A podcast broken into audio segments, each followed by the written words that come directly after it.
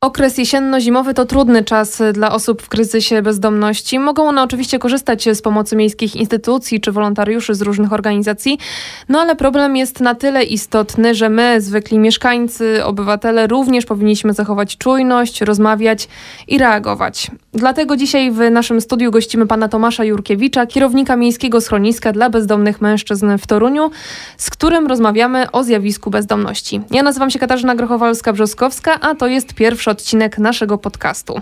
Dzień dobry, panie Tomaszu. E, dzień dobry, witam panią, witam państwa. Na początku zapytam właśnie o same zjawisko bezdomności, a dokładniej o to, jak to się zaczyna. Jakie można tutaj wyróżnić e, fazy, etapy przechodzenia do stanu bezdomności i też wychodzenia z niej? Bezdomność jest zjawiskiem, które towarzyszy człowiekowi od zawsze, można powiedzieć, że zawsze byli ludzie, którzy nie mieli dachu nad głową. Były różne przyczyny, były to wojny, były e, różne kryzysy ekonomiczne. Również w naszej pracy spotykaliśmy się z różnymi etapami e, i e, różnymi falami bezdomności. Początkowo w latach 90. E, bezdomność była głównie spowodowana przemianami ekonomicznymi. Po prostu niektórzy ludzie za tymi przemianami nie nadążyli, padały duże przedsiębiorstwa. Była to zupełnie nowa rzeczywistość i ekonomiczna, i społeczna. Ostatnia fala bezdomności, taka największa, była jeszcze 10 lat temu, kiedy, kiedy w placówkach było ogromne przepełnienie. Od kilku lat obserwujemy spadek liczby osób bezdomnych. No ale oczywiście w tej chwili jakieś problemy gospodarcze czy, czy, czy społeczne mogą znowu spowodować, że osób, które będą bez dachu nad głową, będzie przybywać. E, jak to się dzieje, że ludzie stają się bezdomni? Z reguły jest to splot różnych okoliczności, e, różnych zdarzeń w życiu e, tych osób. Czasami jest to załamanie planów życiowych, jak utrata pracy, utrata źródła dochodów, najczęściej jednak są to konflikty rodzinne, często o podłożu przemocowym, są to te też kwestie związane z uzależnieniami. Z reguły jest tak, że jest to splot różnych okoliczności i e, różne, różne są przyczyny tej bezdomności. Jeżeli chodzi o samo zjawisko, e, trudność w ocenie bezdomności polega na tym, że początkowo jest to zjawisko ukryte. Ludzie, którzy e, stają się osobami bezdomnymi, czasami pomieszkują u znajomych, u rodziny, mm, w tą bezdomność wkraczają powoli e, i początkowo w zasadzie jest to niezauważalne. No później niestety następuje tej, ten syndrom stałej bezdomności, więc osoby, które e, zaczynają żyć w tej bezdomności, przewartościowują swoje życie. Więc często zdarza się, że osoby, które normalnie funkcjonowały przez całe swoje życie, ludzie wykształceni, e, ludzie, którzy pełnili różne funkcje w życiu, e, którzy mieli swoje rodziny, przewartościowują wszystko i zaczynają żyć w trochę innej rzeczywistości. Więc bezdomność jest nie tylko zjawiskiem społecznym, ale też jest stanem umysłu tych osób. E, I trudność w pomocy tym osobom polega na tym, że jest to proces wieloletni i też wychodzenie z bezdomności często też jest procesem wieloletnim. Mhm. No i też niełatwym z pewnością. Niełatwym, y, bo mówię, ludzie uczą, uczą się nowej rzeczywistości, więc y, zaczynają się w tym y, może nie czuć dobrze, ale zaczynają to akceptować. No i wokół tej bezdomności budują swoje życie. To jest troszeczkę jak z uzależnieniem, że ono determinuje później zachowania tych osób i tak naprawdę praca z tymi osobami, można powiedzieć, jest pracą od podstaw. E, więc e, najpierw od zmiany mentalnej, poprzez zmianę nastawienia do innych osób, zmianę swojego e, podejścia do życia, no i później dopiero zmiany jakieś zawodowe, rodzinne, które, które gdzieś tam wynikają ze zmiany samego siebie. Więc jest to tak z reguły. Oczywiście są osoby, które nie potrzebują jakiejś specjalnej naszej pomocy. Czasami są to ludzie, którzy trafiają tylko na chwilę do schroniska, bo akurat straciły pracę, bo akurat nie miały za co wynająć pokoju, bo takim się życie osobiste ułożyło. Mm, I są to ludzie, którzy dosyć szybko organizują swoje życie od początku. Jednak y, większość osób są to ludzie, którzy y, potrzebują czasu, potrzebują takiego wszechstronnego wsparcia do tego, żeby z tej bezdomności wyjść. No i też y, no, same osoby bezdomne. No, o tym pewnie porozmawiamy za chwilę, ale coraz częściej są to osoby niepełnosprawne, starsze, y, które no, mają małe szanse na to, żeby z tej bezdomności wyjść po prostu. A jak z drugiej strony teraz wygląda postrzeganie osób w kryzysie bezdomności w społeczeństwie? Muszę powiedzieć, że bardzo różnie. Od lat mocno pracujemy nad tym, żeby, żeby to było obiektywne postrzeganie jednak tego zjawiska, bo dominują jakby takie dwie postawy w społeczeństwie. Jedna postawa oczywiście bardzo krytyczna, e, stygmatyzująca te osoby, więc, więc skojarzone są te osoby najczęściej e, z osobami uzależnionymi, brzydko pachnącymi, gdzieś w przestrzeni publicznej, e, żebrzącymi. Mm, druga jakby ocena tych osób, to, to, to jest taka ocena tych ludzi jako osób żyjących jakby swoim życiem, czyli, czyli pewien wybór życiowy, gdzie, gdzie ci ludzie są troszeczkę takimi outsiderami życiowymi, gdzie wybrali swoją drogę czasami zostanie skrzywdzeni, czy to przez system, czy to przez najbliższych, czy e, no po prostu nie, trochę tak, że, że są ofiarami różnych negatywnych zjawisk. Ja przestrzegam przed takimi ocenami. Zawsze, zawsze myślę, że, że jest potrzebny obiektywizm, więc są osoby, które rzeczywiście wyrosły e, w rodzinach dysfunkcyjnych. E, często ludzie ci nie mieli żadnych wzorców, w zasadzie nie znali normalnego życia. Więc, więc można powiedzieć, że, że, że są to ludzie skrzywdzeni od dziecka, gdzie, gdzie, gdzie nigdy e, nie mieli ciepła rodzinnego, gdzie nigdy nie mieli jakichś właściwych wzorów zachowania. E, są też osoby, które rzeczywiście zostały skrzywdzone przez najbliższych. Czasami są to osoby starsze, wyrzucone z domu. Ludzie też nie zaradli życiowo, bo y, też jest spora grupa osób, która po prostu nie radzi sobie w życiu. Y, są to często osoby niewykształcone, y, które nawet nie założyły nigdy rodzin, gdzieś, gdzieś słabo radzące sobie w rzeczywistości. No jest cała grupa osób, które z przyczyn, nie powiem, że zawinionych, bo, bo to zawsze jest splot różnych okoliczności, ale no często z, trochę z własnego wyboru, przez, przez tryb swojego życia, przez, przez to, jakimi byli ludźmi, no po prostu trafiła na ulicę, więc y, bardzo często jest tak, że, że, że, że w schroniskach przebywają osoby, które mają zakaz zbliżania się do rodziny na przykład, osoby uzależnione. Tym niemniej y, my jako społeczeństwo, no uważam, szczególnie instytucje pomocowe, no nie jesteśmy od tego, żeby oceniać tych ludzi, ich życie. My jesteśmy od tego, żeby pomagać. Hmm. Więc, więc najistotniejsze jest to, żeby no, tamto życie może nawet czasami odkreślić gdzieś grubą kreską i zacząć wszystko od początku. E, I do tego są powołane służby społeczne, służby socjalne e, w kraju, że, żeby tym ludziom pomóc, żeby ci ludzie mieli e, jakąś szansę jeszcze na to, żeby normalnie żyć, funkcjonować. Czasami ułożyć też sobie relacje powtórnie z rodziną. Też tak bywa. Y, ale na to potrzeba czasu, potrzeba y, fachowców, potrzeba środków. Też to, z czym ja się spotykam często z takimi opiniami, takie, to jest takie bardzo spojrzenie generalizujące, że wystarczy się wziąć do roboty, wystarczy nie pić. No mhm. niestety życie, jak wiemy, nie wygląda tak, że po prostu nagle idziemy do pracy, jest wszystko w porządku lub nagle przestajemy pić, co jest przecież chorobą. Mhm. E, więc tutaj właśnie też wydaje mi się, że tej empatii nam trochę brakuje. Na pewno brakuje empatii i też zrozumienia trochę tego zjawiska, bo są to ludzie, którzy często mają jakieś zobowiązania wieloletnie, zobowiązania finansowe. E, trzeba pamiętać o tym, że niełatwo wyrwać się z bezdomności. Często ci ludzie trafiają do nas e, z jedną reklamówką, w której, w której mają gdzieś jakieś rzeczy osobiste, albo czasami z niczym. I teraz e, nawet po przejściu terapii, podjęciu pracy, no start w normalne życie znowu jest trudny.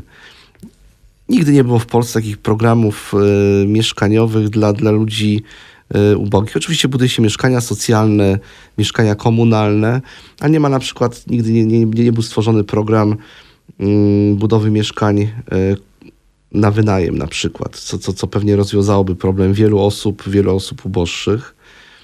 E, w tej chwili rynek e, mieszkaniowy wiadomo jaki jest. Mieszkania są bardzo drogie, więc e, o kupnie nie ma mowy, ale nawet o wynajmie w tej chwili no, z wynajmem jest coraz gorzej. No bo po prostu ceny są takie, a nie inne. Więc, więc oczywiście wspieramy się tutaj pomocą miasta. Mieszkańcy co roku otrzymują jakieś mieszkania. Czasami wynajmują pokoje, czasami wracają do rodzin w niedalekiej przyszłości otworzone zostaną też mieszkania, mieszkania wspierane dla, tej, dla osób bezdomnych y, z naszego schroniska. Więc oczywiście są, są, są prowadzone działania, ludzie ci mają szansę na to, żeby wyjść z bezdomności, ale nie widzę rozwiązań systemowych dla tych osób. I gdzieś tu jest, gdzieś tu taką potężną lukę widzę w, w tej drabince pomocowej, gdzie, gdzie te osoby otrzymują wsparcie, gdzie, gdzie mogą zmieniać swoje życie, ale na końcu zawsze musi być ten dach nad głową, gdzie te osoby mogłyby się udać. Mm, tutaj jeszcze właśnie o tych formach pomocy powiemy, ale ciekawi mnie jeszcze wcześniej taka jedna kwestia. Chodzi o tą skalę bezdomności. O tym wspomniał Pan na początku, ale chciałabym rozwinąć ten temat. Jak ta skala bezdomności wygląda tutaj w Toruniu, gdzie jesteśmy, gdzie nagrywamy? E, w regionie, w kraju? Co dwa lata e, prowadzone e, jest liczenie osób bezdomnych, organizowane przez ministerstwo tego powołane. Ostatni raz w 2019 roku spis wskazał, że w Polsce jest około 30 tysięcy osób bezdomnych. W naszym regionie około półtora tysiąca. W Toruniu miałem okazję być przedstawicielem e, tutaj wojewody dotyczącym właśnie liczenia tych osób, więc, więc dokładnie pamiętam, że e, tych osób e, było 270. Oczywiście to nie jest prawdziwa skala, bo pamiętajmy, że liczenie osób bezdomnych odbywa się w jedną noc i jeden dzień, a tak naprawdę no, trzeba byłoby brać skalę bezdomności w ciągu całego roku. Jest to mhm. szalenie trudne do policzenia oczywiście, bo te osoby są też osobami, które się przemieszczają. Wiadomo, że, że jedne osoby wychodzą z bezdomności, drugie w nią wchodzą. My mamy to dokładnie policzone w naszym mieście i muszę powiedzieć, że e, ta bezdomność od 5-6 e, lat co roku spada. Więc takie fale, kiedy ta bezdomność była największa, tak jak wspominałem, to był gdzieś, była gdzieś połowa lat 90., później przełom wieku, później gdzieś moment, kiedy, kiedy gdzieś tam ten krótkotrwały taki pojawił się kryzys gospodarczy, właściwie światowy kryzys, gdzieś 2009-10. Tych osób rzeczywiście wtedy było bardzo dużo. E, no, dla przykładu podam liczby. E, w tamtych latach e, z pomocy naszej skorzystało prawie 400 osób, w tej chwili 256 osób. Więc widać, że, że, że ten spadek był bardzo duży. Paradoksalnie pandemia też miała wpływ na to, że tych osób nie przybywało, ponieważ wstrzymane były eksmisje, więc y, siłą rzeczy osób, które trafiały gdzieś y, do tego typu placówek jak nasza, y, było mniej. Oczywiście zjawiska gospodarcze, społeczne w tej chwili, które obserwujemy, będą miały przełożenie na ilość osób, które będą do nas trafiały, bo już w tej chwili widzimy, że w porównaniu z zeszłym rokiem listopad już jest takim miesiącem, gdzie E, no jest wzmożony ruch i, i, tych osób coraz więcej, zupełnie nowych e, pojawia się w placówce. E, więc podejrzewam, że, że, że ten przyszły rok może być takim trudnym rokiem. Zobaczymy, co będzie dalej, bo no, trudno w tej chwili przewidywać. Wszyscy widzimy, jak sytuacja na świecie się zmienia. Mhm. A te osoby, które do Was trafiają do schroniska, jakie historie słyszycie? Skąd one pochodzą? Jakie jest ich wykształcenie, wiek, kim byli w tym, mhm. że tak powiem, poprzednim życiu? No bardzo różnie. Są bardzo barwne historie ludzi wykształconych, którzy, którzy bywali w świecie e, artystów, też e, ludzi, którzy gdzieś znani byli w naszym lokalnej tutaj e, społeczności. Też przedsiębiorcy, nauczyciele, e, ludzie, którzy wodzą się ze służb mundurowych, to oczywiście gdzieś tam takie osoby, które gdzieś wyróżniały się na tle e, całej tej grupy e, osób, która przebywa w placówce. Jednakże w większości są to osoby mm, o niskim wykształceniu, ludzie, którzy mają często nieaktualne kwalifikacje zawodowe, e, ludzie, którzy właściwie nie mieli szans czasami nawet nie wykształcić się, bo, bo akurat pochodzili z takich, a nie innych rodzin. Więc generalnie są to ludzie starsi, mniej sprawni, E, chociaż oczywiście są też ludzie młodzi, to jest taka jakby druga grupa. I też obserwuje się zjawisko w Polsce takiej ukrytej bezdomności wśród ludzi młodych. E, to jest dosyć ciekawe zjawisko, bo ono trochę wymyka się spod, e, spod pomocy jakiejkolwiek, spod nawet zdiagnozowania tego zjawiska, ponieważ ci ludzie pomieszkują swoich znajomych, często wchodzą w konflikt z prawem, Czasami są to osoby uzależnione od narkotyków i też zaczynają niestety też w tym takim półświadku przestępczym funkcjonować. Więc, więc to jest wcale nie mała grupa osób, y, ludzi, którzy, których nie widać y, w schroniskach często, bo, bo radzą sobie, są na tyle jeszcze młodzi, sprawni, y, mający kontakty z rówieśnikami, że, że tej pomocy nie potrzebują, aczkolwiek no, gdzieś to są potencjalni nasi przyszli podopieczni. A jakie są problemy osób w kryzysie bezdomności, z których sobie nie zdajemy sprawy? Bo oczywiście, jeżeli myślimy mhm. o takich osobach w okresie jesienno-zimowym, no to oczywiście chodzi o mm, braku dachu nad głową, o to, że e, jest im po prostu zimno, że mogą zamarznąć, e, że są głodni. Z jakimi jeszcze problemami takie osoby się stykają? Wspominałem przedtem stygmatyzacji. Mhm. Część, część osób e, E, która chce wyjść z bezdomności, nie wspomina nawet, że, że są osobami bezdomnymi, że mieszkają w schronisku, więc gdzieś tam nawet e, wspierają się poprzednimi e, adresami, pod którymi mieszkali, żeby, żeby, żeby nie mówić, że są osobami bezdomnymi, bo gdzieś to się kojarzy z uzależnieniami, kojarzy się to gdzieś z tym, że no, po prostu są ludźmi, którym nie warto ufać. Oczywiście nie jest to prawda, bo, bo tak jak wspominałem wcześniej, są bardzo różne osoby, ludzie, którzy się usamodzielnili, założyli rodziny yy, i tak jak wspominałem już, że, że co roku spora grupa osób się usamodzielnia. No, były lata, że, że nawet około 40 osób rocznie od nas yy, w pełni się usamodzielniało. W tej chwili jest ich mniej. Oprócz stygmatyzacji yy, Y, chociażby problemy związane z tym, że, że, że te osoby nie mają na przykład dokumentów, takie prozaiczne rzeczy. Nie mają, y, od lat nie leczyły się na przykład nigdzie, poważnie chorują, więc y, często z tymi ludźmi wręcz za rękę trzeba iść do lekarza, trzeba otworzyć dokumentację medyczną, skierować te osoby na zespoły do spraw orzekania o stopniu niepełnosprawności, więc tak naprawdę większość pracy, którą poświęcamy na rzecz osób bezdomnych, są, to działania związane z pomocą osobom chorym. Więc, więc jest, to, jest to bardzo żmudne, czasochłonne, ale jednak no, te osoby czasami po raz pierwszy od wielu lat mają szansę na podjęcie jakiegoś normalnego leczenia, na podjęcie też terapii uzależnień, bo o tym też trzeba pamiętać, że, że yy, uzależnienia to też jest choroba. Mm, no i też te osoby mają szansę po raz pierwszy zetknąć się z terapeutą, y, pójść na grupę wsparcia, y, czy podjąć leczenie po prostu odwykowe. Przejdźmy do tych form y, mhm. pomocy. Podsumujmy to. Jesteśmy osobą w kryzysie bezdomności i co właściwie możemy zrobić, żeby tutaj pomóc sobie wyprowadzić się z tej sytuacji? Oczywiście podstawową rzeczą jest najpierw zapewnienie komuś dachu nad głową, wyżywienia, odzieży, leków.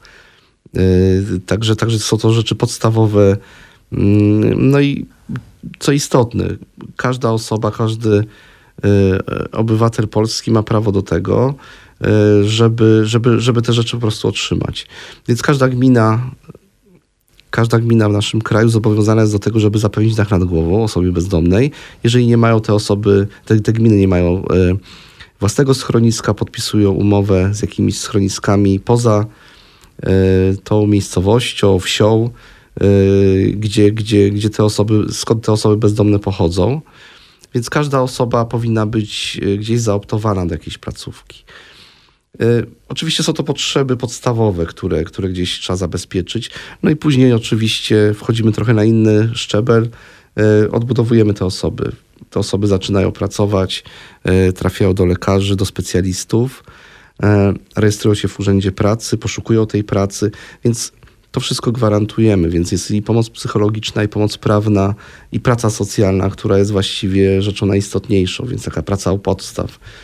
Yy, można powiedzieć, że wszystko, co dotyczy człowieka, można zawrzeć w pracy socjalnej, bo to jest, są proste działania, tak jak mówiłem, wyrobienie dokumentów, czy wizyta u lekarza, yy, no po rzeczy dużo większe, no na przykład po odpowiednie pokierowanie tą osobą, co, co, co dalej robić, czy udać się do prawnika, czy, czy czy w jaki sposób poszukiwać pracy, w jaki sposób e, też poszerzać swoje kompetencje zawodowe, bo, bo jest, e, są możliwości, że, żeby osoby bezdomne również te swoje kompetencje poszerzały. No i później poszukiwanie pracy, dachu nad głową. Jest to taki cały łańcuch działań, które, które proponujemy.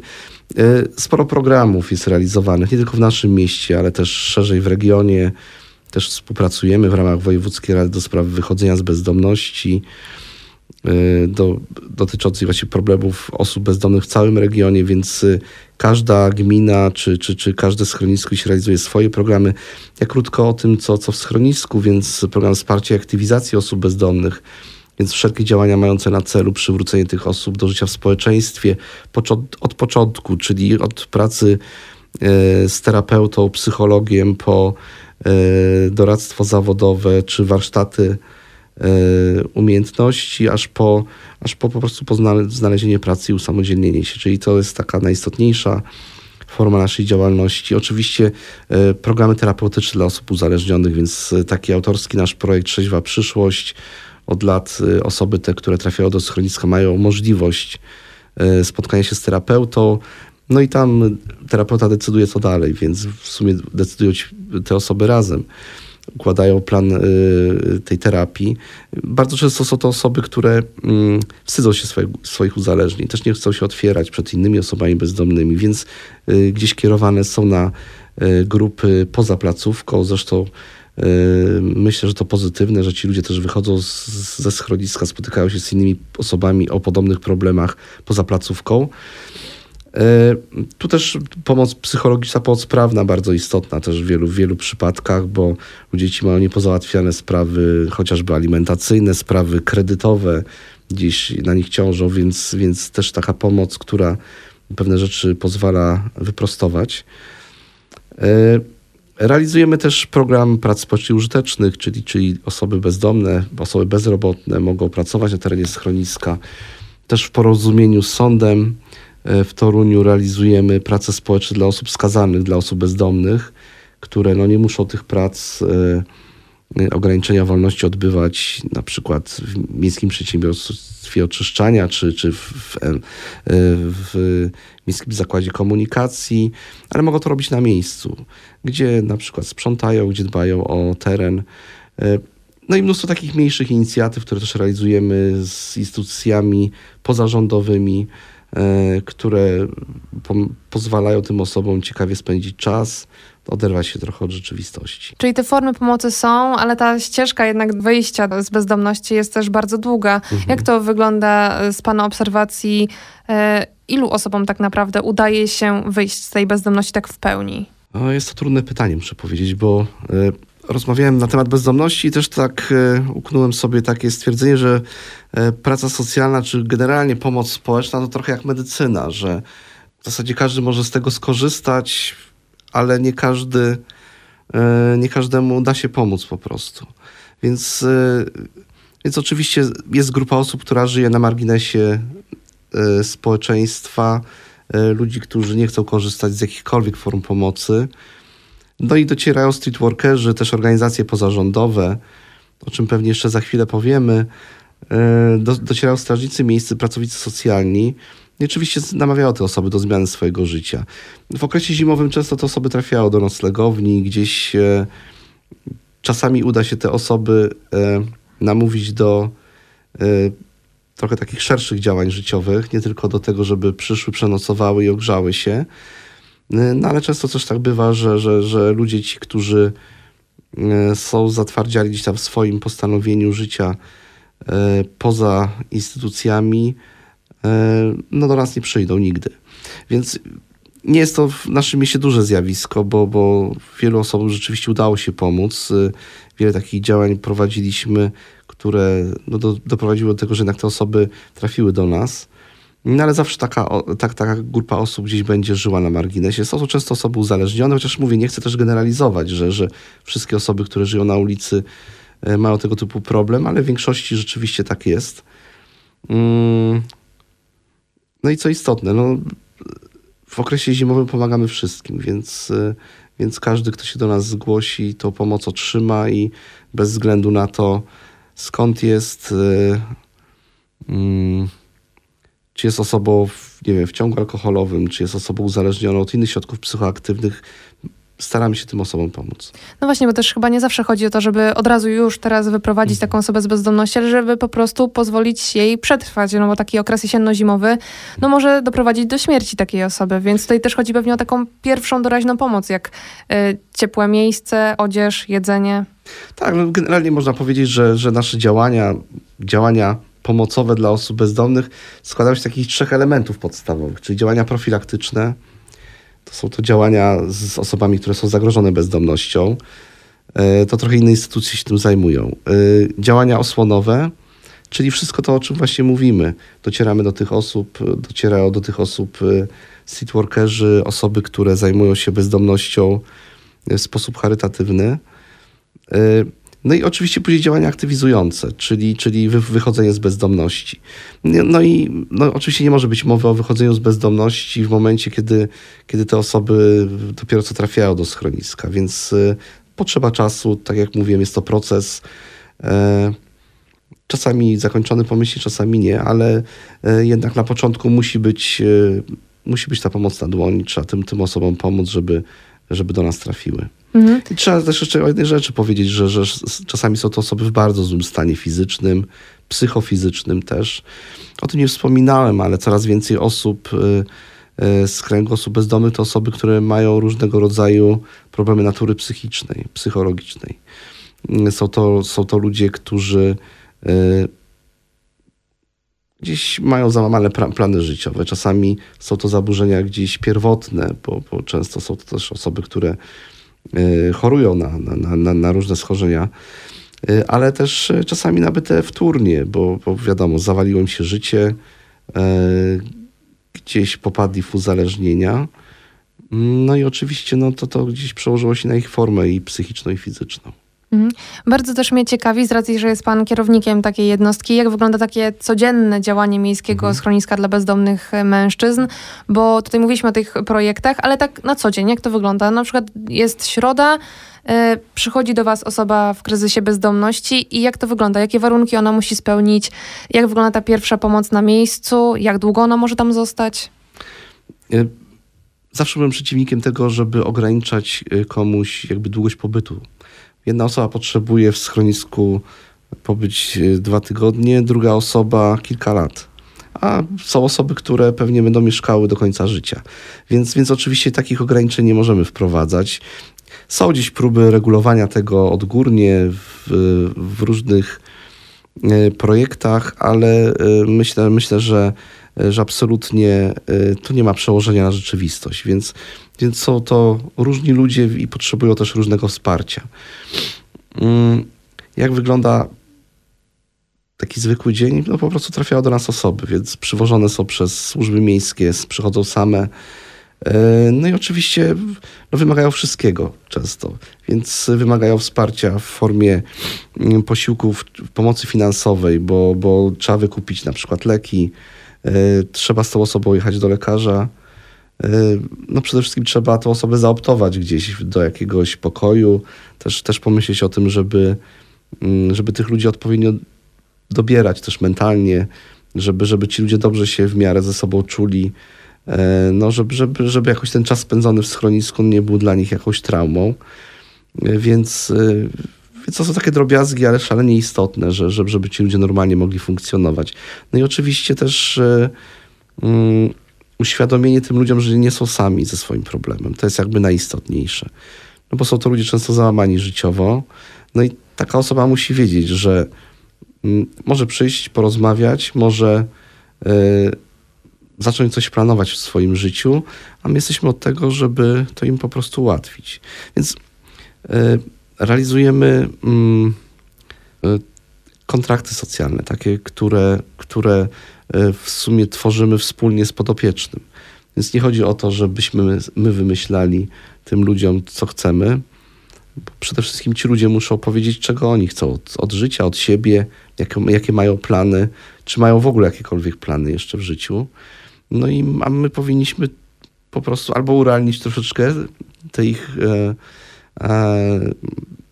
te ich pomysły, albo pomagać im w, w realizacji. Mówimy też o, właśnie o schronisku dla bezdomnych mężczyzn. A jak wygląda kwestia, jeżeli chodzi o kobiety? Znów wrócę do statystyk, chociaż to, to trochę może nudne, ale, ale tak e, licząc osoby bezdomne w kraju, naliczono, że 83% całej populacji osób bezdomnych są to mężczyźni. W naszym mieście te proporcje jeszcze wyglądają inaczej, bo bezdomnych kobiet jest e, bardzo mało. Ja tak myślę, że w tej chwili to ponad 90% osób to są osoby, to są mężczyźni, którzy, którzy są osobami bezdomnymi. Oczywiście jest, są też instytucje, które pomagają e, paniom czy kobietom z dziećmi, e, ale to jest troszeczkę jakby inna forma też działalności. To jest dom dla matek z dziećmi, też przy Skłodowskiej Kiri jest też dział interwencji, właściwie ośrodek interwencji, przepraszam, kryzysowej, który, który się osobami, e, kobietami bezdomnymi zajmuje. Więc, e, więc też mogą liczyć na pomoc, też mogą liczyć na wsparcie. Mm, mówię, ten problem dotyczy wszystkich, chociaż e, może nie w sposób demokratyczny, bo jednak panów jest trochę więcej, ale to też wynika no, z pewnych rzeczy, o których wcześniej wspominałem, że, że jednak mężczyźni częściej ulegają nałogom, e, częściej gdzieś odchodzą od rodzin. E, więc to jest trochę, trochę, trochę temat na dłuższą rozmowę. Na koniec chciałabym też Pana zapytać yy, o współpracę z różnymi organizacjami, stowarzyszeniami, fundacjami, wolontariuszami. Tutaj też na przykład będziemy rozmawiać z organizacją Serce Torunia. Jak wygląda taka współpraca na co dzień? To muszę powiedzieć, że tutaj współpracujemy z wieloma instytucjami, organizacjami pozarządowymi, też w takim kontekście trochę szerszym. Tutaj Państwo macie siedzibę niedaleko Regionalnego Ośrodka Polityki Społecznej.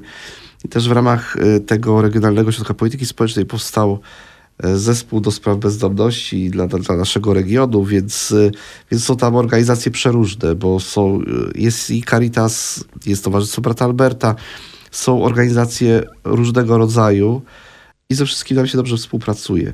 No generalnie myślę, że, że pomoc osobom bezdomnym, czy w ogóle w różnych kryzysach powinna polegać na tym, że e, ludzie ci mają e, no, pewien pakiet pomocowy. Więc nie tylko jedna instytucja, nie instytucje, które ze sobą rywalizują może, rywalizują ośrodki, ale instytucje, które ze sobą współpracują. Więc no, my jesteśmy instytucją gminną, mamy swoje zadania, które realizujemy, ale oczywiście są organizacje pozarządowe, które wypełniają pewną niszę, bo, bo zawsze jest tak, że znajdzie się jakaś formuła dla, dla, dla, również dla organizacji pozarządowych. Przez lata współpracowaliśmy z Toruńskim Towarzystwem imienia Świętego Brata Alberta, które no, zrobiło kapitalną pracę przez, przez prawie 20 lat, bo y, wspomagało nas w wynajmie mieszkań, w opłacaniu tych mieszkań, y, w pomocy w umeblowywaniu tych lokali mieszkalnych, w opłacaniu czynszów, więc dzięki tej pomocy no to dziesiątki, można powiedzieć, osób y, i ze schroniska y, dla bezdomnych mężczyzn i też z ośrodka interwencji kryzysowej skorzystało z tej pomocy. Więc tak naprawdę gdzieś ta organizacja wypełniła niszę związaną z, z y, lokalami mieszkalnymi, czy z pomocą w zabezpieczeniu tych lokali mieszkalnych. Teraz pojawiła się nowa organizacja Serce Torunia, e, bardzo szeroki też e, zakres współpracy, od takich naprawdę prozaicznych, jak na przykład pomoc e, fryzjerska.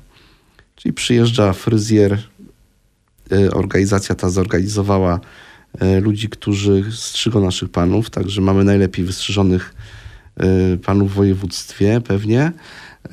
Do tego bardzo ważna pomoc medyczna często te osoby są niebezpieczone, więc, więc potrzeba trochę czasu, żeby zaoptować te osoby do przychodni, otworzyć dokumentację medyczną. Tutaj żadnych formalności nie trzeba spełnić. Przyjeżdżają lekarze, ratownicy medyczni, no i interwencyjnie pomagają naszym panom. Więc y, po takich interwencjach nawet niektóre osoby trafiały do szpitala.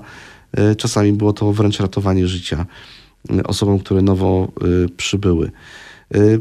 Pamiętajmy też takie rzeczy jak wolny czas. No, każdy oczywiście może sobie go organizować w dowolny sposób, ale no, mówię, no, organizacje nam pomagają w, albo wręcz same organizują tak jak spotkania teatralne, koncerty.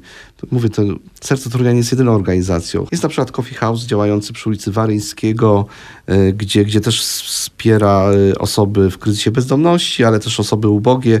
E, też wspólnie robimy pikniki, ale też takie pikniki terapeutyczne, gdzie przyjeżdżały osoby, które miały problemy z uzależnieniem, gdzie wspólnie można podzielić się swoimi doświadczeniami, doświadczeniami osób uzależnionych. Y, ale też oczywiście, no, tak jak mówiłem, organizacja czasu wolnego, więc możliwość wyjścia do kina, do teatru, na koncert.